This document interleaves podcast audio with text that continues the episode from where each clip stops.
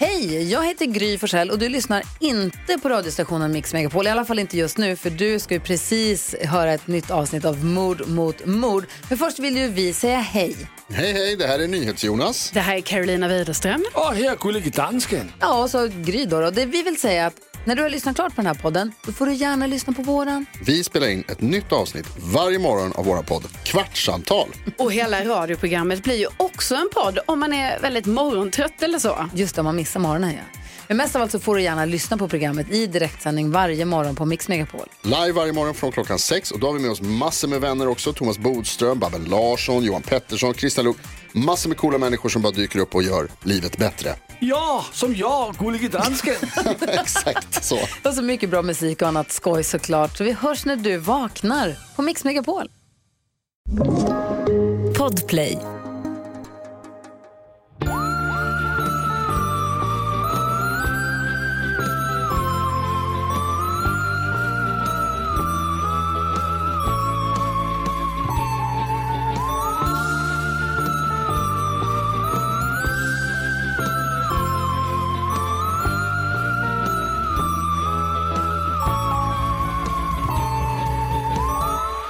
Hej och välkomna till Mord mot mord som idag sänder live, höll jag på att säga. Det gör vi inte tillsammans. Alltså- vi, sänder, eh, vi sitter ihop Vi sitter live. med varandra. inte genom en Eh, eh, IRL. IRL, just det. Eh, töntigaste delen av, eh, Av nätet, av, av internet. töntigaste delen av eh, den, eh, Pirate Bay-rättegången. Är ju när de säger så här, när de säger så här, IRL och då säger han så här, det är väl han Varg eller vad han heter. Han bara, eh, vi föredrar att säga AFK, away from keyboard. Oh. För att båda liven är riktigt lika verkliga. Ah, ja. Okej, Killar va? vi är i alla fall AFK Vi är AFK, och vi är, ehm, vi är i din säng. vi är i min säng. Så himla mysigt. Det här är nästan ett av mina favoritställen att spela in nu. Det är väldigt härligt. Det får man ändå säga. Det är väldigt, skönt. väldigt mysigt. Det är enormt mysigt. Och snart kommer det ännu skönare eftersom vi ska köpa en, till, en ny madrass till vår säng. Just det, en poddanpassad. Ja. Oh, tänk om vi kunde ha en sån höj och sänkbar. det var exakt det jag tänkte. Åh shit. alltså det är typ den sjukaste Alltså jag kommer ihåg när det kom. Jag vet. Alltså fan det var det lyxigaste man kunde ha. Vad var första gången du liksom stötte på det? På en fest, hemmafest. Ah, Okej, ja, jag gick till en affär. alltså det var ju som Liseberg för oss Ja, men alltså, det var så lyxigt. Det var så här hemma hos, var på hemmafest som man var i typ sjuan kanske, åttan. Och så var det i någon föräldrars sovrum som alla liksom bara oh, teståkte. Fast inte på ett snuskigt sätt utan Nej men man behövde inte ens ska säga det var Nej. det som var grejen. Bara, This is better than sex. verkligen. Men alltså jag skulle jättegärna vilja ha en sån, men då vill jag ha en tv i sovrummet och det har inte vi. Men nej okej. För allas bästa och framförallt för min och Oskars relations bästa. För jag skulle alltid kolla på tv om Du, dagen. skulle, du hade ju aldrig lämnat ditt sovrum. Nej. Du kan ju stoppa den där inne. Vet du, vi pratade faktiskt om det, skulle man kunna ha en inne i garderoben? Men eh, det hänger för mycket kläder där. Tur. Så, Eh, mord mot mord mord. mot mord. Ehm, ja, En true crime podcast. Ja. Med inramad av underbart, underbart pladder. gibberish. ja, nej men ehm, Väldigt mysigt att se dig. det är otroligt mysigt. Det var länge sedan. Det var innan jul. Det var när vi gjorde Musikhjälpen. Hoppas ni tittade på Musikhjälpen. Vi pratade, vi har inte pratat om Musikhjälpen efter. Det var ju skitkul. Det var jättemysigt. och vi var vakna. Jag har typ inte varit så vaken, varit så vak, vänta, Du har inte varit vaken så sent. så, så sent, Nej. ehm, sen innan jag blev gravid i Jag alla tyckte, fall. också synd om, jag tyckte också synd om dig för att du inte kunde pumpa dina, dina, dina Ja. bröst. De var mjölkstinna. Ja, det var jättehemskt. Det var, det var det första du sa till mig när du kom hit. Jag har så ont. Men, eh, Men vad som helst, vad gör Vad man gör inte man för inte? content? Jag, hade, det varit riktigt, hade jag verkligen gjort vad som helst för content, då hade jag pumpat inne i buren. Då har du fortsatt maratonsändning. Exakt. Du, du vet vad, då hade du liksom låtit Musikhjälpen fortsätta, men bara med dig och mig. Alltså en hel vecka till. Exakt. Hur länge kan Anna hålla sig från att, eller, det, jag skulle pumpa. Pumpade. Whatever. Det var i alla fall väldigt kul tycker jag. Det var så roligt. Mm. Och eh, apropå Musikhjälpen, Mm. så hade ju vi en, eh, är en bössa. Vi kanske ska kolla Ja, men just vad det. den landade Jag gjorde på. det häromdagen. Eller häromdagen, innan jul. Kolla du. Mm. Eh, vi hade ju en bössa eh, för Musikhjälpen där vi tillsammans med er samlade in pengar till eh, årets tema som är ju att alla har rätt till, eller alla ska ha rätt till sjukvård. Och eh, vi sa att om vi får över 25 000 kronor 25 000 sa vi va? så sa vi att vi ska göra en livesändning i Facebookgruppen som vi också spelar in och släpper som ett extra avsnitt. Mm. Eh, vi kommer köra något fall, vi kommer kunna svara på lite frågor, ja, lite sådär. Och hur mycket landade vi på? Det Ja. kan vi inte se längre. Jag håller på att leta efter urlen. Bossan. Just Punkt musikhjälpen. jag, kör, Någonting. jag kastade om dem här. Du, du, du, du. Ska vi se om vi kan se. Tack för ditt engagemang. Vi är snart tillbaka. Nej, vi kan inte se. Men vad var det när du kollade sist då? Det var typ, eh, kan det ha varit 37? Ja, det tror jag att det Jag kan tror vara. Det. jag tror att vi var över liksom 35 när typ musikhjälpen var slut. Tyvärr kan vi inte säga. Men jag, jag skulle tro att det var typ 37 eller något sånt där. Det är ju Vi otroligt. säger att vi hamnade på 77. Vi- Tänk att ni samlar in 177 miljoner, Miljoner, kronor till musikhjälp. Miljoner dollar. miljoner pund. Eh, Nej men vi var, vi var, jag, tror, det var, jag tror det var typ 37 sist jag kollade. din mikrofonteknik nu är otrolig. Eh, jag tror det var typ 37. Och det är ju Och det var otroligt mycket pengar. Vi är så, så glada för det och vi är så, så glada för att ni ville liksom, eh, vara med oss och samla in. Verkligen. Och fick göra oss så himla stolta så vi kunde skryta mer i, i, i, när vi var med. Men det innebär ju också att vi har klarat målet. Ja, så vi ska ha en livesändning. Japp. Och då tunar ni in Japp. I Det kommer vår Facebookgrupp. AV. Det kommer bli en liten AV i vår Facebookgrupp som Japp. heter Mord mot mord podcast. Och där den 26 februari 18.00 kommer vi att sända live med er. Japp. Boka in det Boka in det. i kalendrarna. Och är ni som en del människor är, eh, sådana som inte vill vara med i Facebookgrupper av olika anledningar, eller kanske inte ens har Facebook, Nej, det kanske man inte har. så kommer vi spela in det. Ja, och släppa det. Och, Och det släppa. vet vi inte. Vi vet inte riktigt när det kommer komma i podcastfeeden kan vi säga. Men eh, Det kommer komma. det kommer komma lite längre fram. När ni minst anar det som en extra present. Exakt, då är den där. Då är det där. Men 26 februari 18.00, en god AV med oss två. Jajamän. Be there och be square. Fy fan vad mysigt. Väldigt mysigt. Det kommer bli toppen. Mm. Eh, annars då? Annars eh, cool, chill. Annars själv då? Men det är bra. Ja, mysigt. Din kille kommer hem nu tror jag. Ja, Vi har ju anlitat eh, min man som eh, nanny. Han gör ju ett otroligt jobb. Mm. Verkligen. Han är väldigt, eh, han är väldigt engagerad. Han väldigt kommer ju vara helt utmattad när han kommer hem. Sigrid också. Ja, ja men det är i och för sig bra. Eh, det är väldigt bra. Ja, men hon, eh, vi, vi gillar ju att leka, liksom, leka med henne väldigt mycket, på, eller liksom köra slut hennes energi på eftermiddagen så att hon sover sen. Det känns som att det är ett bra föräldraknep. Det är ett bra föräldraknep. Och, Ja. eh, liksom redan så här tid, jag trodde inte det var viktigt så här tidigt, Nej. men det, det funkar. Ja. Igår sov hon hela natten. Nej. Mm. Det var otroligt. Klockan tio, eller hon somnade tidigare, men så vaknade hon till vid tio. Sen sov hon till sju i morse. Du måste varit så glad. Det var, jag vakn, själv vaknade Ja, jag då typ varje timma för att jag bara, hallå Sigrid? Så jag väckte henne varje timma, men hon sov hela natten. Jag. Nej men det, Det var- det var fantastiskt. Ombytta roller. Verkligen. Din lilla jävel. Payback is a bitch. Nej men eh, så det var underbart. Bra, jag är glad för din skull. Tack. Det gläder mig. Men ehm, ja, nej men det är nice. Har du något att tipsa om? Nej, typ inte alltså. Skönt. Jo, alltså vet, eller så här. Eh, jag lyssnade eh, på en eh, P1-dokumentär, eller var det P3-dokumentär? Det, det kan du inte fråga mig. Om Therese Johansson Rojo. Det är en P3-dokumentär. Ja, De har släppt den som i, den har varit en serie innan Exakt, och nu är det ett helt avsnitt. Och jag lyssnade på den i fredags. Det är så jävla Alltså, den sorgligt. är så sorglig. Jag, glöm, Ah. jag har, har lyssnat på det förut. Men nu då så hade, låg den högst upp i feeden igen. För att de då, precis som du sa, har gjort ett jätteavsnitt. Det är så sorgligt. Det är så otroligt sorgligt. Det är fruktansvärt sorgligt verkligen. Men den är ju som alla P3-dokumentärer. Otroligt Otrolig. bra journalistisk. Ehm, har du sett att P3 har släppt en, att de gör nu, P3 Krim? Nej. Det är ju Eva-Lisa heter hon väl, som gjorde eh, Spårlöst. Den spå- som var med i ehm, första säsongen av Spårlöst. Okej. Och typ var med och grävde. Hon är typ grävande journalist, hon har jobbat på SVT och sådär också. Kul. Ehm, så att de är typ så här, de ska göra liksom eh, om ganska så stora pågående fall. Så just nu gör de då eh, den här eh, kidnappningen av artisten. Ah, ja. Så det är ju liksom eh, inte riktigt samma sak som vi gör kanske. Eh, inte riktigt. inte riktigt. Men, men Peter Krim i alla fall. Kul. Jag började faktiskt titta på den nya Netflix-serien om Night Stalker. Ja, ah, just Ramirez. det. Hur känns Richard det? Ramirez. Richard Ramirez. Ehm, ja, men det var, det blev liksom lite, det, blev, det, det, var, det var när jag var inte där mentalt så att säga. Men den, den kommer nog vara bra. Absolut.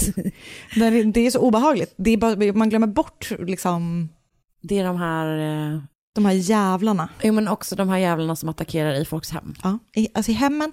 Och det de säger typ i första scenen, just det där att, att han... kul att du bara så. Men jag såg typ tio minuter. Du bara, eh, gingen gick så här, trailern. Det var ganska bra. Det var Ja, det ganska var bra ja. um, nej men, ehm, för annars brukar man alltid vilja ha hoppa över intro. Ja, men nu men det är körde du. vissa som man inte vill, typ ehm, Big Little Lies vill man höra hela Japp. introt. True Blood vill man höra hela introt. Vet- True Detective. Japp, Ja. vet du vilken man verkligen vill hoppa över introt? Alltså aldrig hoppat så snabbt. The Crown. Jag kollar inte Alltså det är alltså det längsta Ja, och det det tråkigaste. mig. Mm, det är vidrigt. Nej men det som är så läskigt, dels att med i hemmet och som då med Richard Ramirez, att han, ehm, då, liksom att man förstår ganska tidigt att han liksom får en kick av att se skräcken i deras ögon. För att han liksom hade då, typ en av de första fall, eh, en av de första morden är ju att han mördar en, en det är två tjejer som bor ihop, Ah, så mördar han den ena, det. men han Japp. skrämmer bara den andra. Ja, det är fan. Alltså du vet, det är bara väldigt läskigt med sådana människor. Så att Det är, ver- jag, Det jag tänker att, sant. eh, jag, nu har jag inte sett hela, jag, jag dämpar bara belysningen lite, Ah. det kanske blir lite väl mörkt. Nu har jag inte sett hela, men jag tänker att du ska våra poddlyssnare kommer säkert gilla den. Jag har sett att de är redan igång och Ja, diskuterar okej, den i gruppen. Eh, ja, nej men den, man kommer ju se. Den kommer man ju se. Så är det ju. Mm. Eh, jag har ett litet boktips kanske. Ehm, nu ska var det två veckor sedan som jag gjorde det här mexikanska fallet med Karen som blev kidnappad och hennes Miriam, hennes mamma Miriam. Eh, jag läste en bok som heter En bön för de stulna, som har liksom lite grann samma eh, fruktansvärda tema, det vill säga typ hur eh, kartellernas ehm, vad de gör och hur det påverkar helt vanliga människor som bor i Mexiko. Och det handlar då helt enkelt om att så här, det är en, en, en, en författare, han har varit i Mexiko och typ intervjuat kvinnor som sitter i fängelse, som är typ bara helt liksom, eh, eller eh, kvinnor som är, lever fritt, eh, kvinnor som är typ gifta med kartellmedlemmar.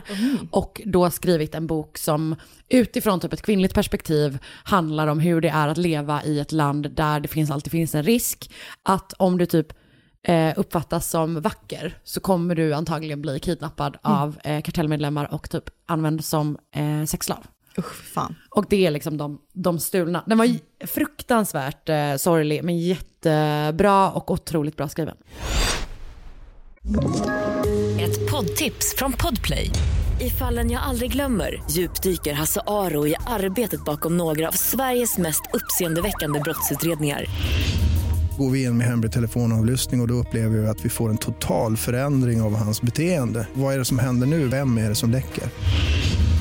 Och så säger han att jag är kriminell, jag har varit kriminell i hela mitt liv men att mörda ett barn, där går min gräns. Nya säsongen av Fallen jag aldrig glömmer på Podplay.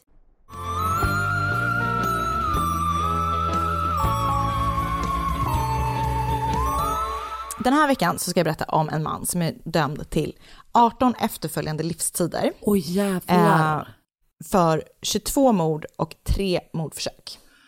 Oh. Men somliga, vissa säger att han kanske bär så många som 400 människoliv på sitt samvete. Oj. Mm. Gud Anna, det blev ett rakt slag i magen. det blev det. Ja. Idag ska jag då berätta om Charles Cullen. Ja, känner igen. Mm. Han föddes den 22 februari 1960 i West Orange i New Jersey i USA. Han var den yngsta brorsan i en syskonskara på åtta barn.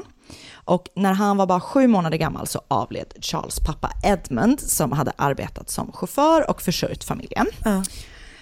Eh, när han avled då så lämnade han mamman Florence, eh, som då under hela deras äktenskap och antagligen under hela sitt liv, eller sitt vuxna liv, eh, liksom inte haft ett jobb, utan hon var då Homemaker. homemaker. Precis. Eh, så han, han, hon blir då ensam med åtta barn, vilket ju är typ, den, alltså bara att ha åtta barn när man är två känns ju som det Nej, men värsta typ man kan tänka Bara sig. att typ förlora den man lever med. Ja, nej verkligen. Punkt. Och sen så bara, eh, nu, inte nog med att du måste typ överleva det, du måste ta hand om Åtta de barn. här. Nej men det är så, Det här lilla, nästan fotbollslaget. Hur många är det i ett fotbollslag? Var 12 det, eller? eh, 11? elva, elva manna va? Ja. Fast man måste avbyta det med, alltså det, Det är väl blivit 14 men ett halvt fotbollslag. Eh, han beskriver sin uppväxt som eländig och han har berättat att han blev mobbad av både klasskompisar och typ sina syskons vänner och pojkvänner och sådär. Eh, så han mår liksom, han mådde inte bra under sin uppväxt. Eh, när han var nio år gammal så försökte han begå självmord för första gången. Oj jävlar. Och han gjorde det genom att dricka eh, olika kemiska vätskor från något sånt kemisätt. Så läskigt. Usch vad sorgligt. Mm. När han var 17 år gammal så skulle nästa tra- tragedi i hans liv hända och då var det hans mamma som vid tillfället när han var 17 var då 60 år gammal. Då omkom hon i en bilolycka. Så som 17-åring då blir han totalt, totalt, han blir föräldralös eh, och han har liksom, ja, haft det tufft liksom. Ja. Ehm, så eh, efter hans mammas bortgång så bestämmer han sig för att han hoppar av skolan och söker sig istället till den amerikanska militären. Så han går igenom massa olika tester och till slut får han tjänst ombord på ubåten USS Woodrow Wilson. Okej. Jag tänkte på det när, när jag ska där. Jag har, säkert, jag, har jag berättat om när vi var på väg för att besöka en ubåt? Jag vet inte, berätta igen i sådana fall. Den låg vid Sjöhistoriska museet här i Stockholm, ute på Ja. Djurgården. Så cyklade vi och så ramlade jag. Så jag var så, jag var så skärrad över, jag slog alltså upp hela mitt ben. Så jag gick aldrig ner i ubåten och till this day, så min syster då som var, jag var kanske typ fem och hon var tio, hon fick gå ner själv. För jag tvingade pappa att sitta kvar och trösta mig. Eh, Men jag ångrar det fortfarande att jag inte bara bet ihop. Jag måste säga att uh, ubåtar är typ bland Det det, är läskigaste, läskigaste jag jag kan vet. tänka mig. Det är Och- så läskigt. Alltså jag tror att det är både den här kombinationen av att det är så liksom Instängt. instängt och att jag är ju väldigt rädd för under vattnet. Jag med, jag med. och du vet alla djur som lever där och... Jag vill inte, jag vill inte veta. Innan när vi, du och jag och Marcus var ute och gick, Mm. vi gick förbi eh, bara där de fiskade upp jag olika vet, cyklar. Jag, jag, med, jag hörde att du ville börja prata om Jag tycker att det var upp. så läskigt. Men jag tycker, det jag tycker är sjukt är att folk... Det var ändå voice, jag blev rädd för Ja, men voice kan, kan, kan folk sluta slänga elsparkcyklar i vattnet? Ja det är faktiskt sinnessjukt. Det är helt sinnessjukt, vad gör folk? Hur kan man ens slänga en voj? Det är så roligt att åka voj. Eh, okay. Han hamnar i alla fall i lite så här konstiga situationer om, ombord Woodrow Wilson. Eh, så han- han liksom passar inte riktigt in där heller. Bland annat så kom hans överordnade ombord på honom när han var iklädd typ en kirurg-outfit, fast han inte hade någonting med läkarvården ombord att göra. När han höll på, alltså han var iklädd det här när han höll på att undersöka missiler. Oj, så Mm. ett tro- otroligt speciell kink. Ja, men folk, nej, men det som, folk började typ misstänka att han så fifflade med dem, för att han hade vet, handskar, Ah, så det från handlar om så att här, man inte skulle eh, kunna kirurg, spåra mask. honom. alltså, jag tror inte det finns något bevis för det, men folk tyckte han var Ja, märklig. han var strange. Ja. Liksom. Och eh, miljön, alltså jag fattar typ inte riktigt, ja, han, ha- det, han mår jättedåligt ombord liksom. Och ehm, eh, eh, han blir utsatt för mobbing även där. Eh, så att 1984 försöker han begå självmord igen. Eh, och hur gammal är han nu? 84, han är 24 år. Ja. Ehm, och efter, jag vet inte om, jag tror det var väl inte bara, det var väl liksom inte bara det här självmordsförsöket, men han blir så småningom avskedad på grund Mm. av med, medicinska eh, anledningar. Det framgår liksom inte. Eh, så att ni, strax, ja, 1984 så, så ja, slutar han vara i eh, militären. Mm. Så när han väl har lämnat där så bestämmer han sig för att han vill plugga och han blir uppmuntrad av eh, någon, tror jag, alltså, som har jobbat med honom i militären, att han ska söka till sjuksköterskelinjen. Och De bara, du har ju den outfiten. Exakt. Du får ta med den här om du bara slutar. Men han bestämmer sig, han blir i alla fall uppmuntrad av någon, Ja. som jag, jag tror var det, att läsa tre. Så han bestämmer sig bara okej, men jag köper det. Och så kommer han in på Mountainside Hospital Nursing, School of Nursing i Montclair i New Jersey. Mm. Eh, när han är klar med utbildningen så eh, får han ett jobb på ett sjukhus i Livingston i New Jersey som heter St. Barnabas Medical Center. Och där jobbar han på brännskadeavdelningen och enligt utsagor så gör han ett väldigt bra jobb. Han är duktig kliniker och det kommer han liksom vara alltid. Så nu är vi då framme vid typ 1986 eh, och då på det privata planet så har då han träffat en kvinna som heter Adrian Baum och de två gifte sig och inom kort får de sin första dotter som de döper till Shauna. När jag läste så läste jag först att hon hette Sauna, vilket jag tyckte var kul, men hon heter Shauna. Den 15 december 2003 grips Charles Cullen. Och då kommer en otroligt hemsk och läskig historia att unravel. Så har fortsatt vara med henne hela tiden? Det får jag reda på. Det kommer du få reda på, Ja. men svaret är nej. Okej. Spoiler. Okej, Pu. Okej, allting börjar, eller slutet börjar, Det börjar. det börjar, jag börjar, när en man vid namn Steven Marcus, arbet, som arbetar som toxikolog på Rutger University i New Jersey, Ja. han jobbar på deras giftavdelning, han får höra att en pers- person i hans team har blivit kontaktad av eh, ett sjukhus som heter Somerset som ligger i New Jersey med lite frågor om en möjlig förgiftning. För en patient på Somerset har påvisat rester av en hjärtmedicin vid namn Digoxin, eh, trots att hen inte har några hjärtfel. Okej. Och den här medicinen är jättebra för folk som har hjärtproblem, men har man inte det och Så får den här så kan den istället ställa till eh, med, ställa till med Man kan bli otroligt- sjuk. Man, man kan bli väldigt sjuk. Ja. Jag, ja. Personen som ringer då till Stevens kollega undrar om det finns liksom något annat, du vet örter, de frågar om typ ett, ett koreanskt te, om de tror att de här örterna kan ge samma utslag på testerna som Digoxin gör. Ehm, men Steven och hans kollegor vet inte det, men de direkt bara, det låter inte särskilt troligt att det skulle vara så. Så Steven Marcus, eh, han har liksom jag och många av våra lyssnare en förkärlek till kriminalromaner. Ja. Och eh, har typ kanske en liten önskan om att vara detektiv. Jag fattar. Och av kanske just den anledningen så reagerar han snabbare på den här förfrågan än vad andra skulle ha gjort. Han det är så här, han bara, ah, det är ett något mysterium. Ett brott kan ha begåtts. Exakt. Så han pekar tidigt på att det, är så här, det, här är någon som förmodligen, alltså uppsåtligt har gett Digoxin till patienten trots att hen inte behövde det. Och att den här personen som har gjort det måste ha jobbat nära patienten. Eller liksom, ja. Ehm, och trots hans varningar så, eh, så tycker liksom, eller så här, sju- sjukhusledningen tycker att han är pain in the ass bara. Ah. De var så här, sluta, nej det är inget konstigt här, titta bort, kom inte hit, typ så. Eh, han står på sig, liksom, och bara så här, jag tycker ni, ni måste polisanmäla det här, han liksom typ gör världens grej av det. Och i samma veva som att Steven har börjat misstänka att det är något fishy på Somerset, så är det en annan läkare som också får red flags på samma, om samma sjukhus. Ja. Eh, så med båda deras liksom red alerts eh, och med information om att det är två personer, för det är nämligen den här andra läkaren, för då hör man, det är en annan patient som har dött. eh, På liknande sätt. På liknande Ja. sätt. Så eh, det finns också flera andra varningsklockor där det är personer som har fått fel dosering av insulin och blivit jättesjuka av det och typ av, vet, det finns mycket som är eh, fel. Ja, mycket så som skulle kunna vara så malpractice. Ja. Men är väldigt grova misstag. Exakt. Liksom. Ja, jag fattar. Ehm, så precis, de kommer till slutsatsen att det, så här, det måste vara någon som antingen är fett dålig på sitt jobb, Ja. Och då är det bra om vi vet det också. då är det bra om vi vet det, eller så är det någon som helt uppsåtligt liksom ger patienter fel medicin så att de får hjärtsvikt och dör av det. Så då tvingas liksom sjukhuset helt, de, måste, de tvingas att koppla in polisen. Och ehm,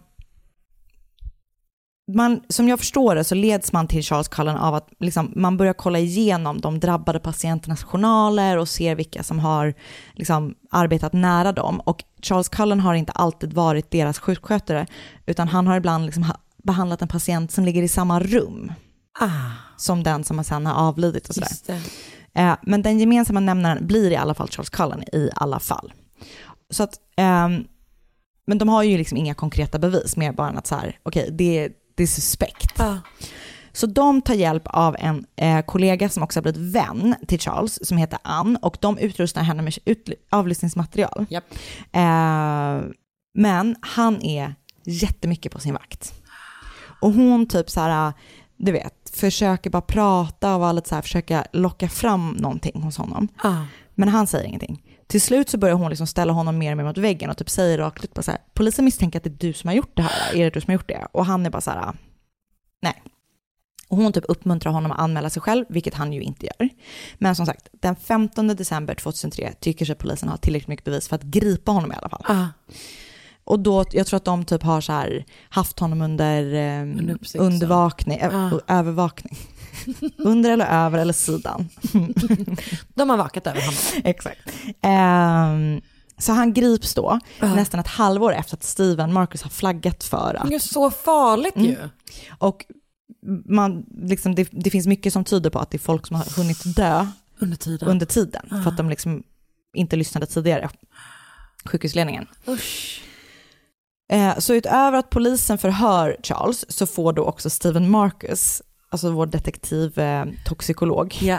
eh, han får lov att sitta ner med honom och så gå igenom typ alla märkliga saker som har hänt runt honom. Gud, så speciellt att de gav honom det jobbet. Men jag tror att det handlar om att han, du vet, Han talar samma språk och, och så. här. Ja. Ehm, så, så två dagar efter att han har gripits så erkänner han till slut. Till Steven Marcus. Det är lite I mitt oklart. huvud. Ja men alltså, och enligt en av mina källor så verkar det som att det är typ Steven Marcus som har satt dit honom. Men en annan, de Så andra är lite mer Jag har valt att gå mer på att det är Steven Marcus. Japp. För att jag tycker det känns mest spännande så.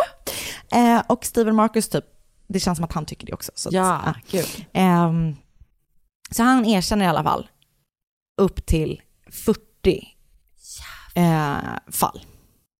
Mord. Och när man börjar backtracka, så många. Ja, det är så många. Och det är, för, det är, det är, 40 styck, det är de 40 stycken som han kommer liksom ihåg Exakt. och har så här, liksom detaljer kring. För är det här typ 20 år? Det är 16 år och när man börjar backtracka de här 16 åren inom sjukvården eh, så har han under 16 år haft anställning på 10 olika sjukhus. panik alltså. Och när man kollar igenom då alla hans anställningar så upptäcker man flera, eh, liksom väldigt många eh, misstänkta dödsfall. Och när han skriver på en plea deal, eller han skriver på en plea deal, och en del av det avtalet är då att han ska berätta eh, Om offer liksom. om offren. Ah. Så att, så att eh, de anhöriga liksom kan veta att så här, okej, men det var inte... Ehm, och eh, det sägs då i en av källorna, och så här tror jag att det var. Mm. Eller jag har valt att tro att det är. Ah. Att Steven Marcus säger så här, okej, vi har den här patient A här. Ja. Patient A lider inte av någonting med hjärtfel, men den har digoxin i bla bla bla. Så vi tror att du har mördat honom. Har du det? Har du det? Ja. Då är han kanske så här, ja eller nej. Lite så. verkar Ja. vara. Så 40 Så han går personer, igenom dem liksom? Mm. Ja. 40 personer kommer han erkänna.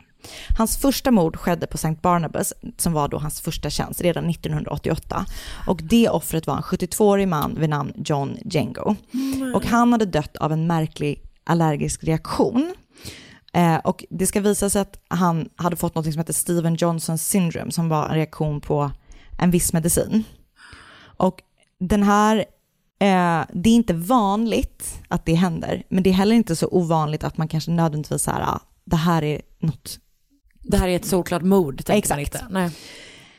Och han begår flera mord på St. Barnabas, där är, det är hans längsta anställning, han är där 1992 och då säger han upp sig för att sjukhusledningen har börjat undersöka dropppåsar som är kontaminerade. De inser att så här, det är något som inte stämmer. Så de börjar utreda och innan de liksom hinner komma på att det är han Så drar han. så drar han. Mm. Eh, och då hamnar han på Warren, Warren sjukhuset i Phillipsburg där han mördade åtminstone tre kvinnor. Och en av de här kvinnorna ska ha berättat för sin familj om en märklig och misstänkt sjukskötare som liksom smyger omkring på avdelningen precis innan hon dör. Eh, där hinner han också sluta innan de avslöjar honom.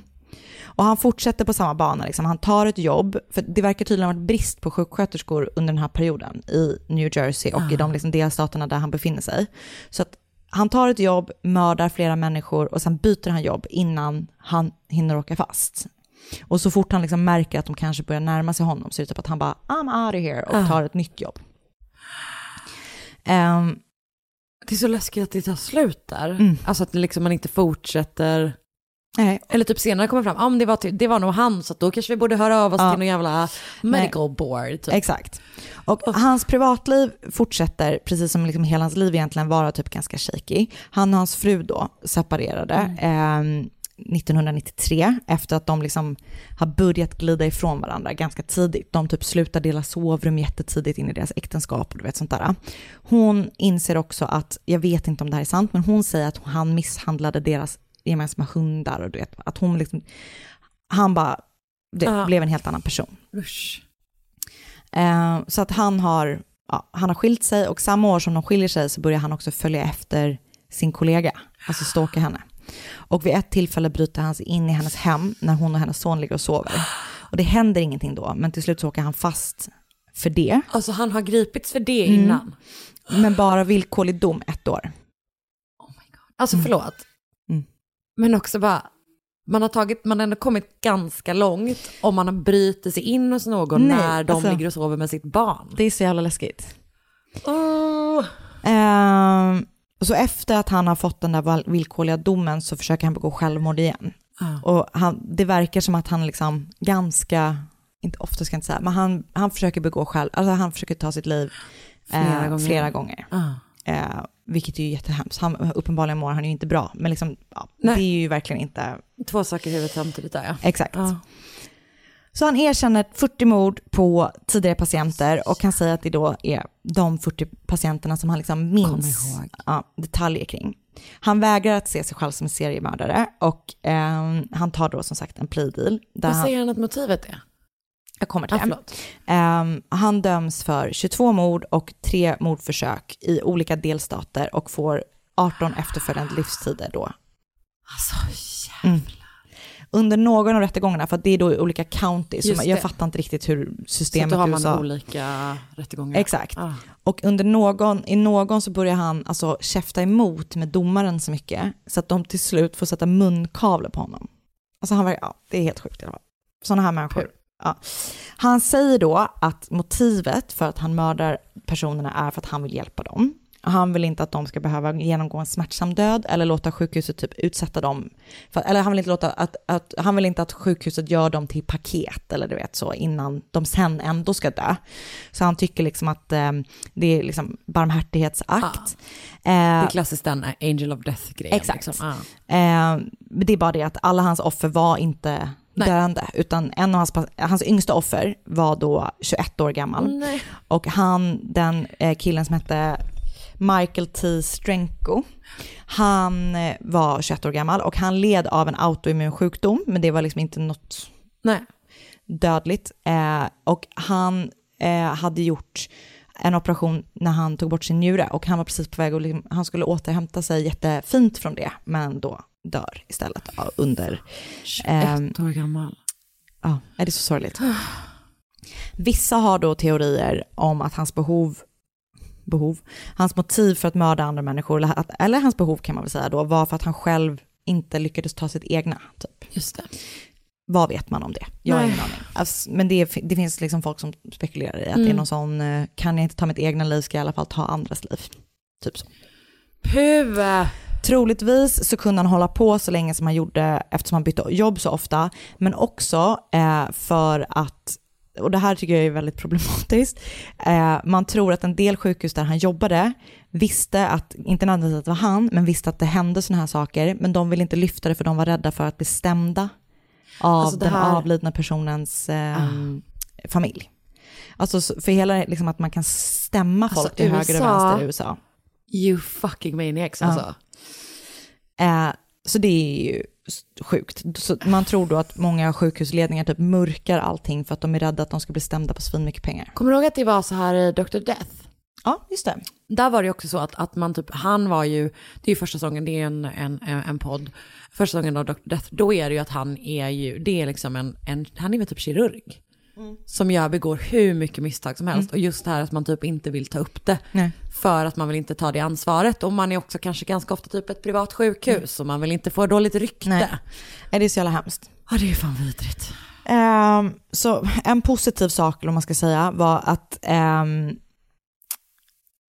eh, det var några delstater, bland annat New Jersey, som efter att han hade åkt fast införde ny lag att sjukhusen kunde rapportera in sådana här händelser konfidentiellt till Department of Health, så kunde de göra utredningar eh, liksom under radarn, så att de fick fast personer som gör sådana här saker. Alltså, jag, tror jag, vet, jag vet inte, jag ska inte säga att det liksom händer, men att man, de kunde utreda fel eh, utan att eh, anhöriga fick reda på det. Också jag vet, det- det är Nej, superproblematiskt, det är ju- men jag ja, ja, liksom- ja, verkligen. Det kanske är bra att man, Alltså det det är är ju det jag menar, så jag ja. vet inte om det är positivt eller inte, men liksom just det, alltså man vill ju att det bara allting ska vara out in the open så att det sker liksom Alltså, rättssäkert. ja. Men eh, Nej men exakt, problemet är typ för grundläggande. Det, Mm. att det blir lite så, eh, liksom plåster på ett skotthål. ja, typ. exakt så. Jävlar vad sjukt. Ja, och eh, tyvärr så, jag tror inte jag hinner berätta alla eh, offer, men i en artikel som heter A list of Charles Cullens victims in eh, New Jersey från ABC Local som återfinns på Murderpedia, som vi då länkar till i vår Facebookgrupp, så finns alla hans bekräftade offer och lite information om dem. Åh fy fan vad sorgligt. Väldigt sorgligt. Och eh, utöver Murderpedia så har jag då såklart använt mig av Wikipedia. Jag har sett ett avsnitt på Netflix av serien Nurses Who Kill och avsnittet heter kort och, gott, kort och gott Charles Cullen. Och jag har lyssnat på podden True Crime All the Time där avsnittet också heter just Charles Cullen.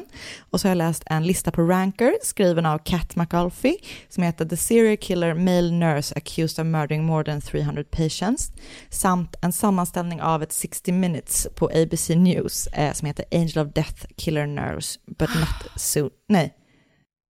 Ja, det, jag har missat ett ord någonstans. Jag skriver Angel of Death eh, Killer Nurse stopped but not soon enough.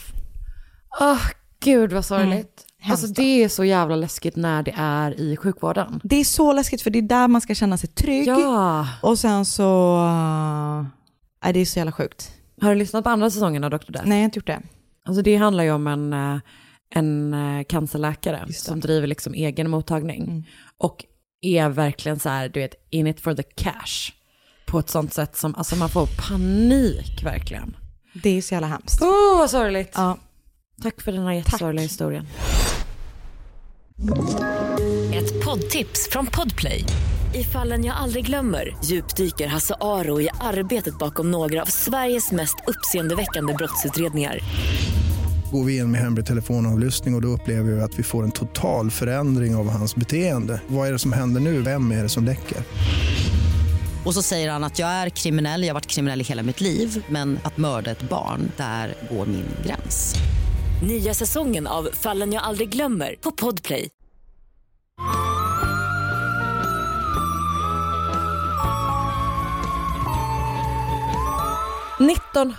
— 1988 får Feredoin och Shule Jabari en dotter och döper henne till Reane. Hon växer upp med sina föräldrar och sina två systrar i Teheran som förstås är Irans huvudstad. Eh, Rehane är liksom så en skötsam tjej. Hon har typ, alltså kvinnor är ju liksom väldigt styrda. Det finns ju liksom myndigheter eller typ statliga eh, människor som typ är, som jobbar med att se till att eh, eh, kvinnor typ har, alltså har heltäckande slöja Ja. och sånt där. Och hon har liksom aldrig några problem med den typen av myndigheter. Hennes föräldrar har aldrig några problem med, med henne heller. Hon är liksom så här, hon är en väldigt eh, stark och smart och orädd tjej och är också väldigt så här, konstnärlig. Eh, under sin uppväxt så gillar hon att måla och så gillar hon redan från tidig ålder så här, inredning och design och sånt. Hon kommer att läsa informatik, vilket är Eh, nog kanske typ inte in, informatics på engelska. Eh, det verkar som att i Sverige skulle man typ räkna in det typ i systemvetenskap, men typ att det är så tvärvetenskapligt. Okej. Eh, men det liksom verkar handla lite om datahantering och sånt.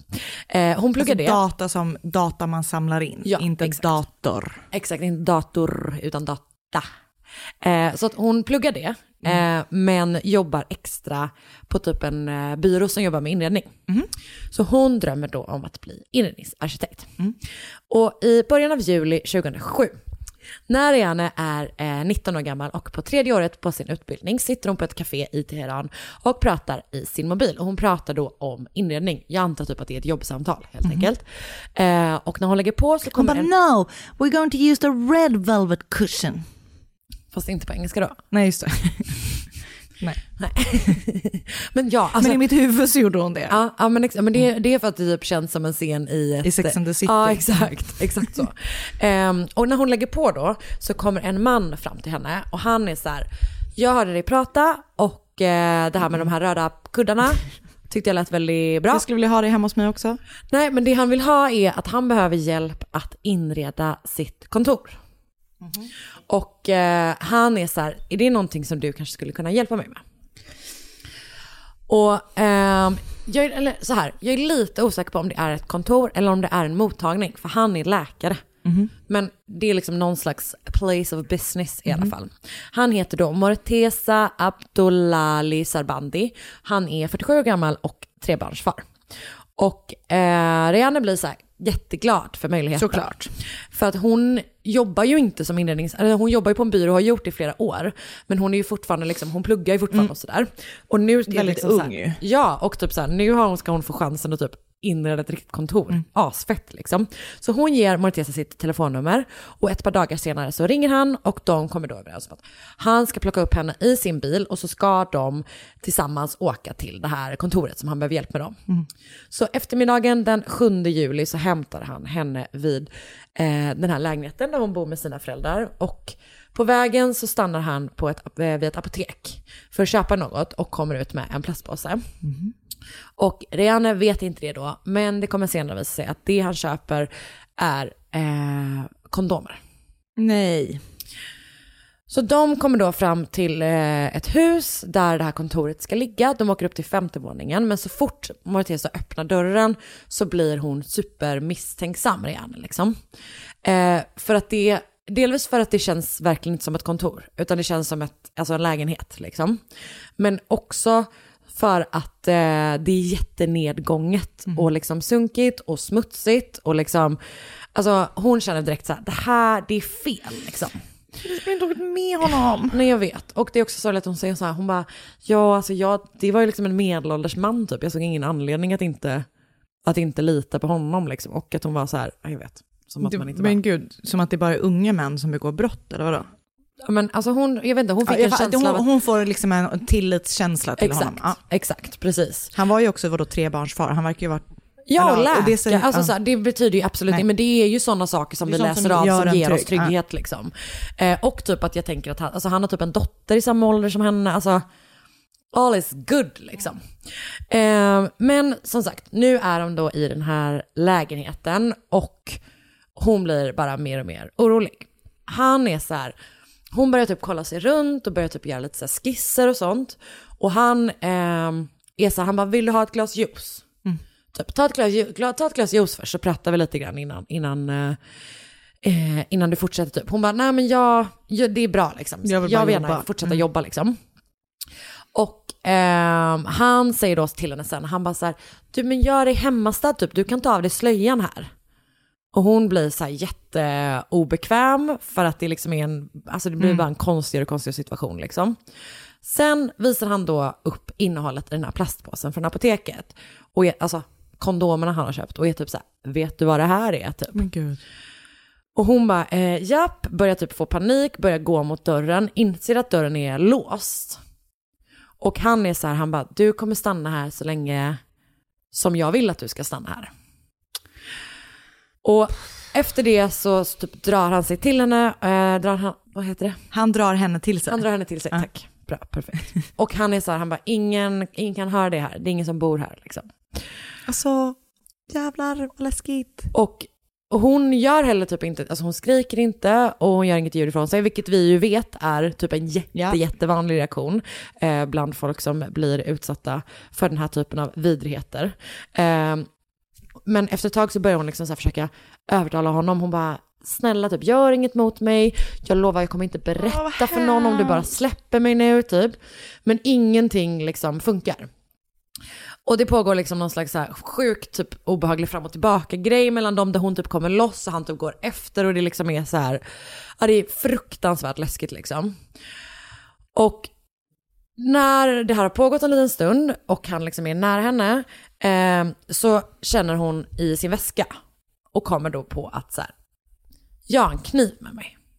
Vad sjukt. Och hon bara bär runt på den. Det är en fruktkniv. Nej, jag tror att den är större än så. Så att hon tar då upp den här kniven. Varför hade hon den med sig? Oklart. Typ att hon har den för liksom, alltså Typ för självförsvar. självförsvar. Ja. Så att nästa gång han är liksom nära henne så tar hon så här upp, upp den och hugger honom i ryggen. Nej. Och jag, Det är därför jag alltid går runt med en eh, stekspade, eller på stekpanna i... just det, så svagt att du, du går runt med en stekpanna. Nej, spade, fan. Nej men, och jag vet inte om det är, alltså att han är över henne Fan, eller du vet sådär och hon hugger honom samtidigt. Eller om han har hunnit vända sig om och hon hugger honom, det är lite otydligt. Men hur som helst så hugger hon honom i axeln. Mm. Och först så typ sitter kniven fast i. Och sen så typ vänder han sig mot henne, skriker, drar ut kniven och typ kastar den mot henne. Hon plockar upp den och börjar liksom springa mot dörren. Aha. Och här är det lite oklart vad som händer. Hon kommer senare vittna om att hon kommer ut ur den här lägenheten för att det är en man där som öppnar från utsidan. Jag kommer berätta lite mer om det här Mhm. snart. Och det gör att hon kan fly. Eh, men hon kommer åtminstone ut ur lägenheten. Okej. Hon springer ner på gatan, där ringer hon en ambulans och sen väntar hon tills den, hon ser den liksom komma. Sen tar hon en taxi hem till sina föräldrar.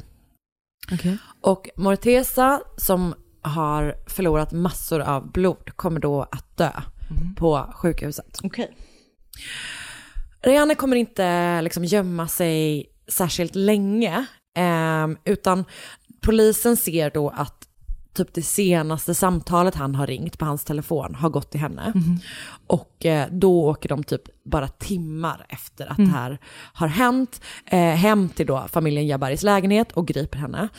Och eh, hennes föräldrar fattar liksom ingenting. Eh, Nej, för hon berättar inte för dem. Nej, exakt. Eh, men i lägenheten så hittar man då den här kniven som hon har tagit med sig och man hittar också liksom en blodfläckad slöja. Det är några saker som är liksom lite oklara med den här berättelsen och det står rakt av liksom olika saker i olika källor och det hänger typ inte ihop.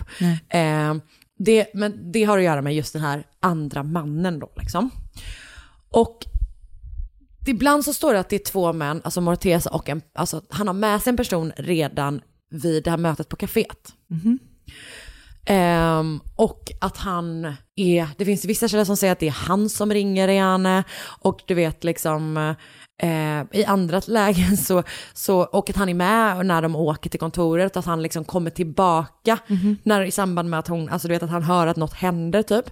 Ehm, men det finns också historier, och det här verkar som att det är det hon säger själv, är att det liksom är en, en man som hon då inte vet vem det är, som typ springer in. Han öppnar dörren utifrån, springer in i lägenheten när hon springer ut typ. Eh, så det är Hur så har här, han kunnat låsa upp dörren? jag vet inte. Alltså det finns liksom olika, och det, det är liksom lite olika diskurser kring just den här låsta dörren. Var den låst? Alltså så här, För det finns också, och det används av då åklagarna sen, eller domarna, som ett bevis på att så här, hon hade kunnat fly om den inte var låst.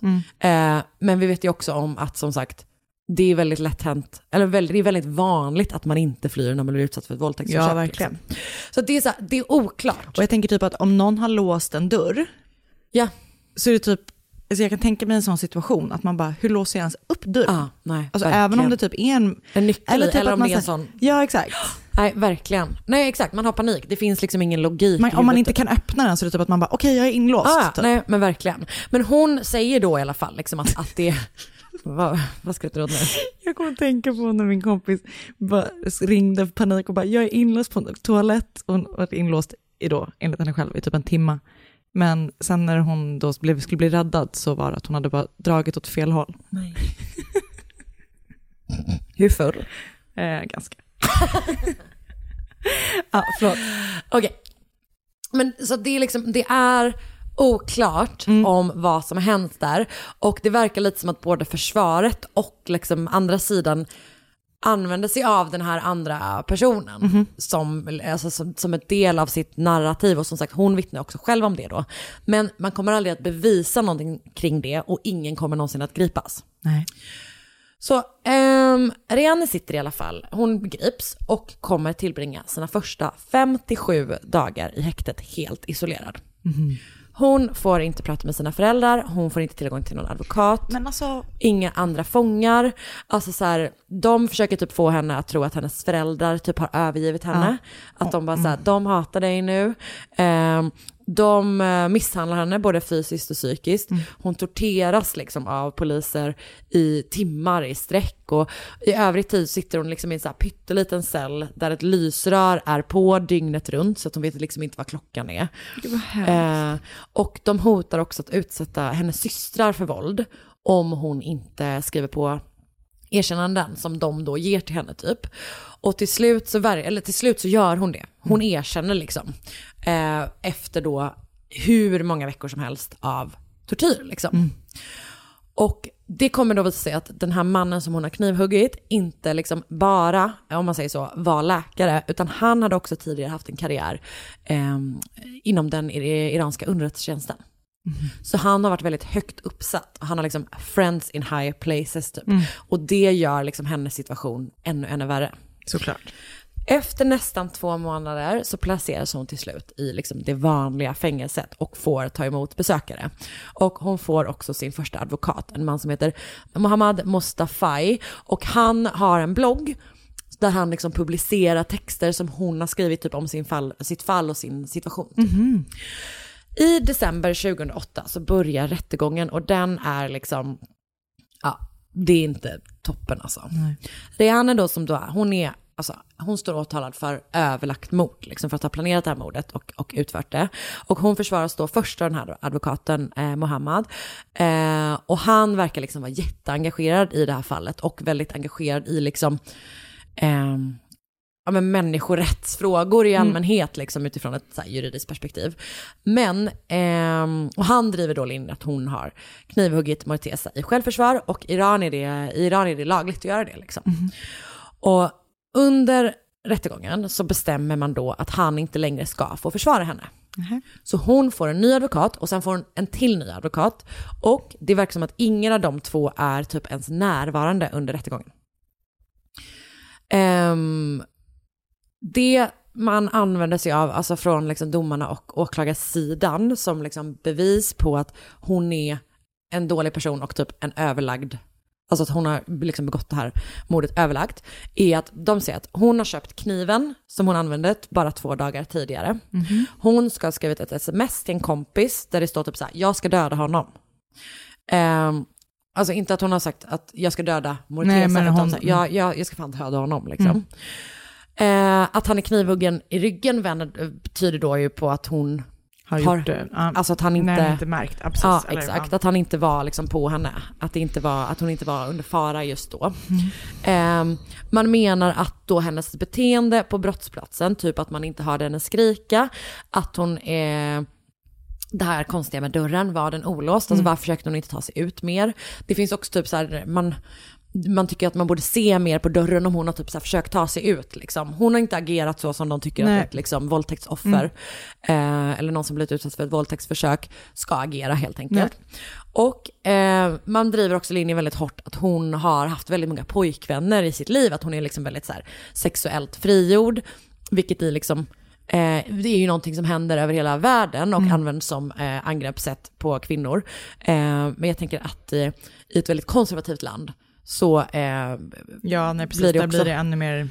Ja, exakt. Ehm, och man menar då att hon även hade en sexuell relation till Morteza och därför kunde hon inte bli våldtagen.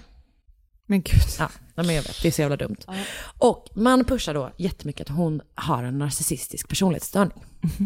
Att hon är, alltså, så det är liksom både typ att man använder sig av lite bevis, men också jättemycket så här personangrepp. Hon är typ en narcissist och en galen person och typ ligger med allt som rör sig. Lite Alltså- så. Eh, försvarets linje då, så länge det liksom finns ett för- försvar. Och det här är också, det här är liksom försvaret och ifrågasättandet kommer leva kvar långt senare. Vi, det, vi kommer in på det sen. Eh, alltså de menar ju att liksom hela utredningen och hela rättsprocessen typ är ett haveri. Liksom. Man har inte letat efter den här andra mannen som ändå flera an Mm. menar liksom finns. Man testar de här, du kommer ihåg att han försökte bjuda henne på, på Ja. juice. Mm. Det finns två glas upphällda. I det ena glaset så ligger det typ något, någon lugnande medicin. Och de hittar det? Ja. För han har ju liksom inte gjort någonting med på brottsplatsen typ, Nej. utan han har ju blött ut det liksom. Så, att, så att man testar det och bara det ena är liksom, finns någon slags drog i då. Jag visste det när han skulle ha ge henne ett glas juice. Japp. Eh, och hennes mamma, eh, hon vittnar om att Reane inte alls köpt kniven två dagar tidigare. tidigare. Eh, och att ingen, det finns liksom ingen försäljare som vittnar om att han har sett, sett det hela, alltså, alltså åtminstone inte i rättegången som, som liksom, eh, vittnar om att han har sålt en kniv till henne. Eh, Eh, man har då med hjälp av våld uppenbarligen tvingat Rihanna att skriva på erkännanden. Och ehm, trots att så här, hon utsatts för hur mycket vidrig skit som helst så har hon liksom aldrig sagt någonting annat än att hon var övertygad om att Martesa skulle våldta henne. Helt enkelt. Och rätten hittar aldrig något annat motiv. Utan Nej. man fortsätter liksom bara svartmåla henne som en, en, en galen kvinna. Och på de grunderna så kommer man att 2009 döma henne till döden för mord. Nej. Och hon blir, liksom, Rihanna blir väldigt så här välkänd och typ omtyckt inne i fängelset under sin tid där. Och det blir hon ganska tidigt liksom. För hon hjälper andra fångar väldigt mycket. Hon typ så här delar med sig av sina kläder och hon delar med sig av typ mat och typ telefonkort och sånt. Eh, för som hon då får liksom av sin familj. Typ. Hon undervisar kvinnor i fängelset, hon har ju ganska mycket utbildning liksom. Så att hon har liksom lite sådana saker också. Och hennes fall blir också super, super välkänt, liksom långt utanför fängelset. Över hela världen får liksom folk upp ögonen för Reane Jabari och det som händer henne.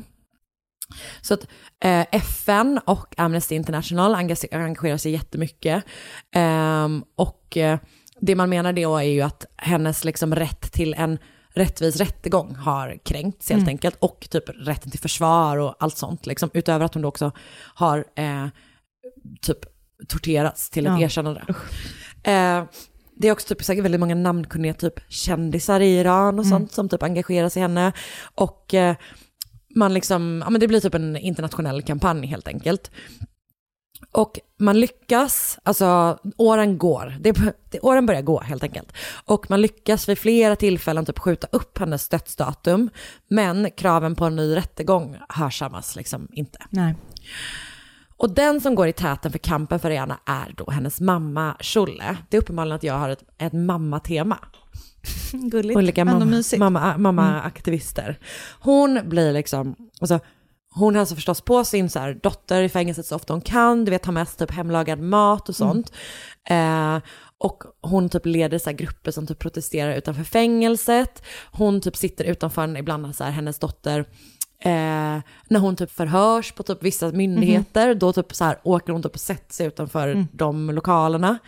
Ehm, det är typ tusentals personer från hela världen som typ kontaktar henne och typ uttrycker sitt stöd för hennes kamp. Hon eh, har väldigt, väldigt mycket kontakt med sin dotter via brev.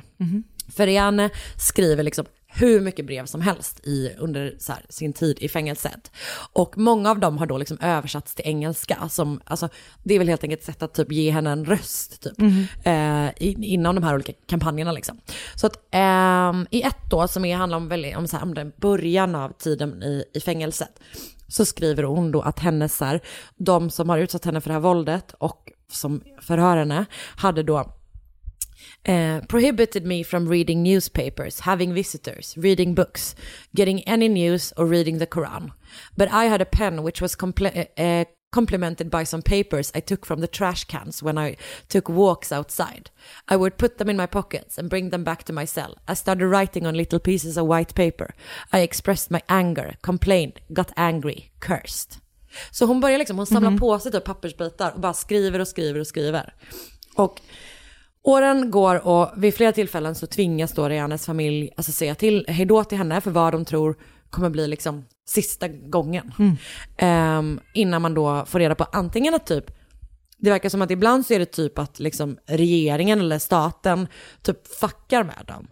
och sen bara, nej det blev inte nu. Alltså du vet Gud så. vad hemskt. Men det är också att man liksom skjuter upp det då, alltså att, att de, det här kampanjandet får liksom resultat upp. Men till slut, 2014, så det har alltså gått sju år, då bestämmer en domare att Rihanna bara kan bli benådad av Morteza Abdullahi Sarbandis familj. Och det är tydligen liksom en laglig möjlighet idag. Det är sjukt. Alltså det finns fall där, jag läste om något fall, eller så läste jag liksom i förbifarten där typ en, en, en eh, mamma till ett offer, eh, typ örfilade gärningsmannen och typ var så här, nu är vi even typ. Och då blev han benådad. Va? Eh, ja, så att, så att familjen, liksom, de drabbade kan benåda gärningspersonen. Sjukt. Ja, det är väldigt, väldigt speciellt. Ehm, och det som är problemet då är att det är Mortezas äldsta son, Jalal, som då för familjens talan. Och han säger att en benådning bara är möjlig om Marianne berättar sanningen. Jag tänker att de helt enkelt vill höra att så här, våran pappa har inte mördats på grund av att han försökte Våldta- dig, för att det är fruktansvärt liksom. Ehm, och de har, även de tror då på att det finns en till person. Så de tror att hon har varit med och planerat det här mordet. Eh, och att hon vet om vem den andra personen eh, var. Och att han typ kom in och avslutade det hon hade påbörjat. Alltså du vet någon sån story Ah, okej. liksom. Ehm, Jalal säger till pressen, only when her true intentions are exposed and she tells the truth about her accomplice and what really went down will we, will we be prepared to grant mercy. Men hon är så här, men jag har redan berättat det som är sant.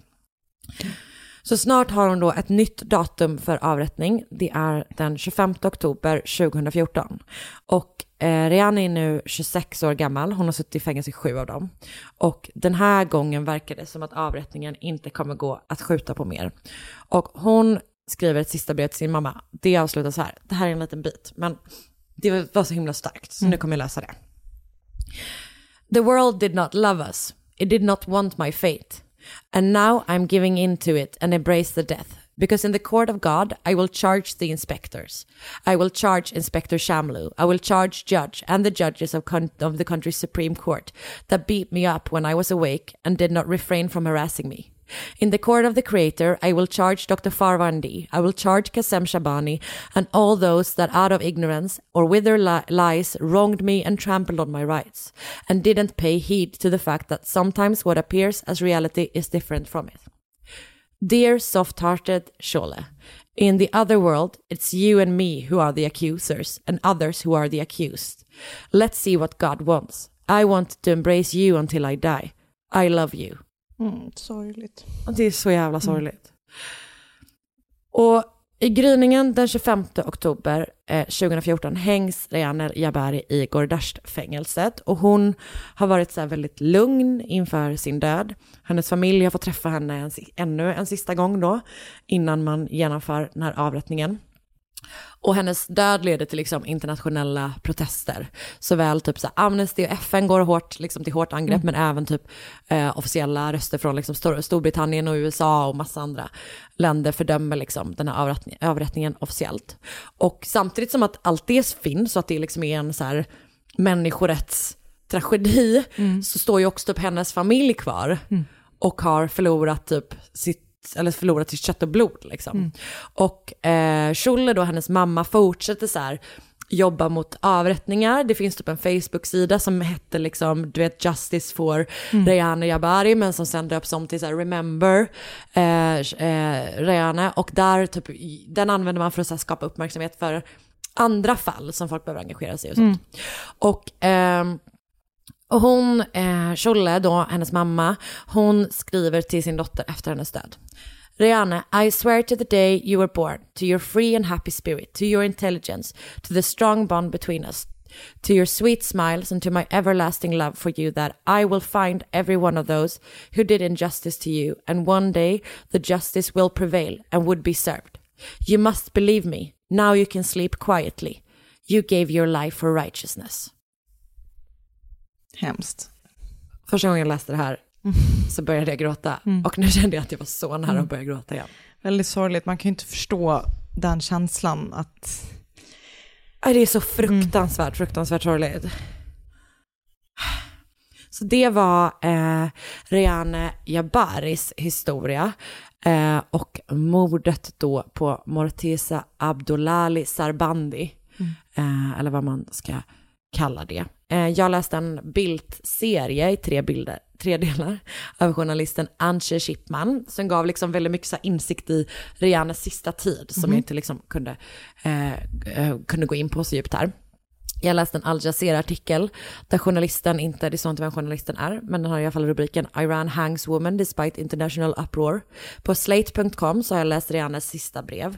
Eh, Iranrights.orgs genomgång av fallet, ett utdrag ur Scholle Pakravans egen text publicerad av eh, MEK, eh, som väl är typ deras motståndsrörelse tror jag mm och en AFP-artikel publicerad av Al Arabia med rubriken Mercy for a Iranian woman on death row if she tells truth.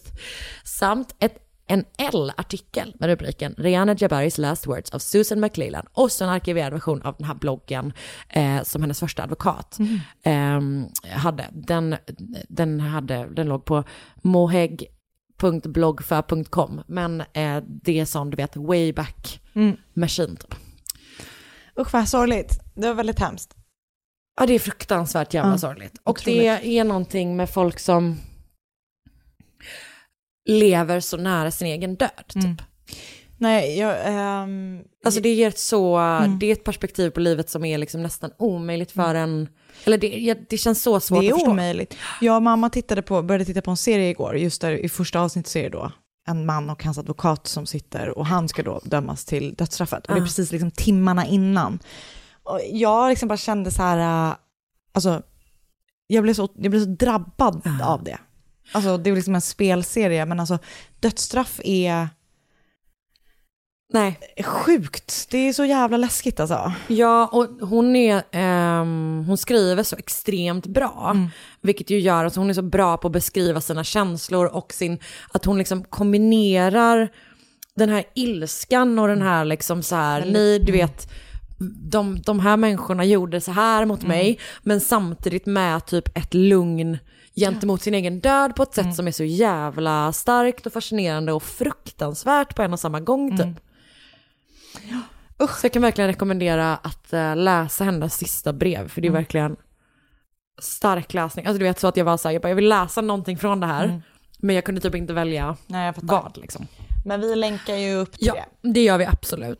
Ehm, Tack för den här veckan. Ja, tack för att ni har lyssnat på oss. Vi hörs igen nästa vecka. Det gör vi verkligen. Och eh, Instagram, önskafall, att Sandel Anna, att Karin Londre, gå med i Facebookgruppen Mord mot mord podcast. Och hej då! Ett poddtips från Podplay. I fallen jag aldrig glömmer djupdyker Hasse Aro i arbetet bakom några av Sveriges mest uppseendeväckande brottsutredningar. Går vi in med hemlig telefonavlyssning och, och då upplever vi att vi får en total förändring av hans beteende. Vad är det som händer nu? Vem är det som läcker? Och så säger han att jag är kriminell, jag har varit kriminell i hela mitt liv men att mörda ett barn, där går min gräns. Nya säsongen av Fallen jag aldrig glömmer på Podplay.